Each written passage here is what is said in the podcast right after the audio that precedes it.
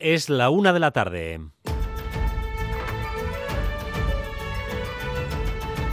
Crónica de Euskadi con Dani Álvarez. Arrachaldeón se llama Reza Sabib y es el embajador de Irán en Madrid. Irán, un país que reprime a las mujeres y su libertad para vivir como decidan, se está convirtiendo en el principal apoyo y sustento de la causa palestina que capitaliza jamás. Así como Israel se apoya en los Estados Unidos, Irán aparece como el gran valedor palestino, mientras el resto de países árabes se pone de perfil. Irán amenaza con entrar en el conflicto, dando una respuesta al agresor, a Israel, de la que se arrepentirán. Y la situación se saliera del control, de manera que un actor regional o extrarregional quiera agredir nuestros intereses nacionales, ahí daríamos esa respuesta que les hará arrepentirse. El embajador de Irán ha hablado esta mañana aquí en Radio Euskadi. Lo cierto es que la simpatía por la causa palestina recorre Europa y también los Estados Unidos, con manifestaciones en las calles. Pero del mismo modo que los países árabes no quieren mostrar un respaldo claro, en los propios territorios palestinos existe división. En Gaza, como saben, mandan los islamistas de Hamas, en Cisjordania manda la facción moderada, manda Fatah. Pero allí la rabia anti-israelí está haciendo que la influencia de Hamas crezca en la zona. Ramala, Xavier Madariaga, Arrachaldeón. Sí, Arrachaldeón lo vemos claramente en las manifestaciones. Acaba de convocar en pleno centro de Ramala, feudo de los moderados, acaba de convocar una manifestación Fatah. Bueno, pues si comparamos con las protestas de días anteriores, los del presidente Abbas no tienen nada que hacer. Apenas llenan un cuarto de esta céntrica plaza Almanara. La guerra contra Hamas en Gaza y las redadas de, los, de las últimas horas en Cisjordania no hacen más que dar alas a Hamas.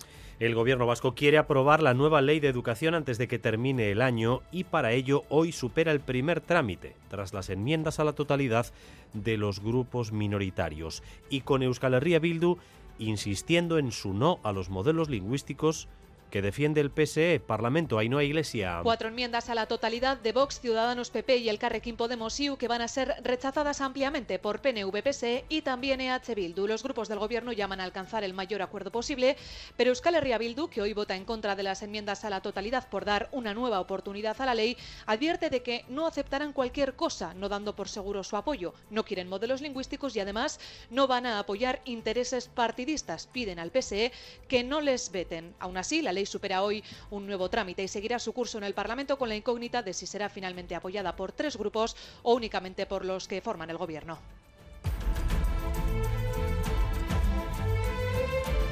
En el Senado y sin la presencia del gobierno de Sánchez, hoy se debate sobre la amnistía. El Partido Popular promovía este debate en el que el Lendakari ha preferido no participar. Pero a ese debate sí ha entrado el presidente catalán, Per Aragonés. No solo ha intervenido, sino que ha subido la apuesta, insistiendo en que el tema no es solo la amnistía, también es el referéndum. L'amnistia no és un punt i final, ha de ser el punt de partida. El punt de partida d'un camí que té un destí, que la ciutadania de Catalunya voti. La amnistía, se le ponga el nombre que se le ponga, es un retroceso en la calidad de nuestra democracia y un retroceso en la igualdad entre españoles. Ya lo ven, amnistía y también autodeterminación. Veremos si esta competición constante entre los negociadores de Esquerra y Junts no acaba haciendo fracasar la investidura, cuyo proceso parece haberse enfriado en los últimos días. Y en Vitoria, manifestación de los baserritarras convocados por UAGA, eh, que representan hoy el funeral de su sector, Miquel Saez. Sí, así es. De hecho, esta movilización que acaba de finalizar frente al Palacio de la Diputación Foral de Araba iba encabezada por un féretro en el cual iba el primer sector a la vez, junto a él un sacerdote que rezaba plegarias por los agricultores y los ganaderos de este territorio y detrás de ellos medio millar de personas, en su mayoría ganaderos y agricultores, que venían aquí a mostrar su enfado por la situación del sector. Dicen que el sector está en riesgo inminente de desaparecer, piden eh, acciones inmediatas a la Administración y también solicitan a la sociedad que se conciencie del problema por el que atraviesa el primer sector de Álava. Y atención porque llega el primer temporal del otoño. El Departamento de Seguridad acaba de marcar dos alertas para mañana. Alerta naranja para el viernes por fuertes rachas de viento desde las 10 hasta las 3. Alerta naranja por riesgo marítimo costero para la navegación. Y además un aviso amarillo por riesgo de impacto en costa. Eh, Oninche Salazar, meteoróloga de Euskalmet, Arrachaldeón. Arracha León. Eh, parece, Oninche, que vamos a, con- a- a notar mm, de manera rápida un, un cambio, cambio drástico. ¿Desde qué hora y cómo va a ser ese cambio? Bueno, el- la borrasca que nos va a traer ese cambio ya nos está dejando hoy viento del suroeste intenso.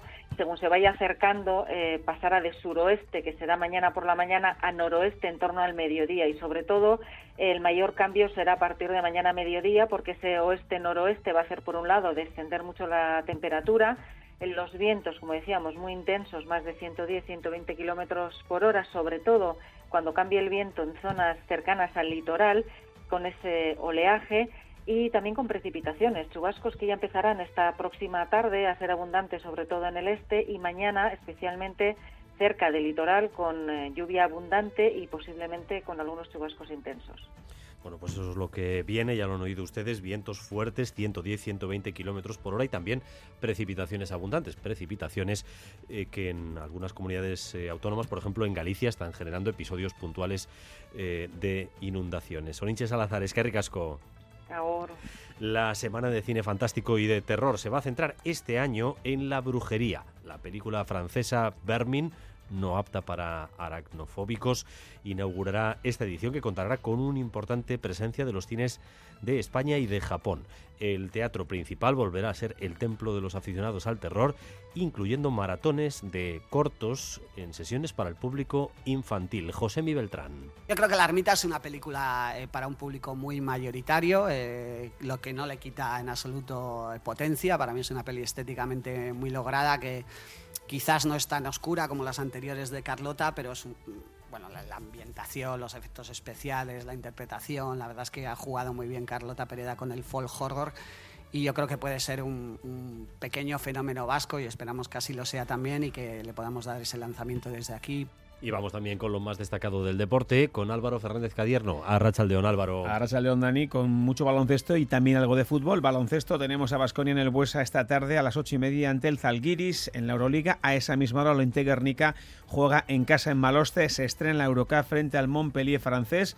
Ambos, Basconia y Lontec, buscarán una victoria que ayer conseguía Bilbao Basket en Polonia ante el Anwil y en fútbol vuelve la liga. Lista de convocados para el Osasuna Granada de mañana, Mojica y muy grandes novedades rojillas. Gracias un día más por elegir Radio Euskadi y Radio Vitoria para informarse. Raúl González y José Ignacio Revuelta en la dirección técnica, María Cereceda en la coordinación. Crónica de Euskadi con Dani Álvarez.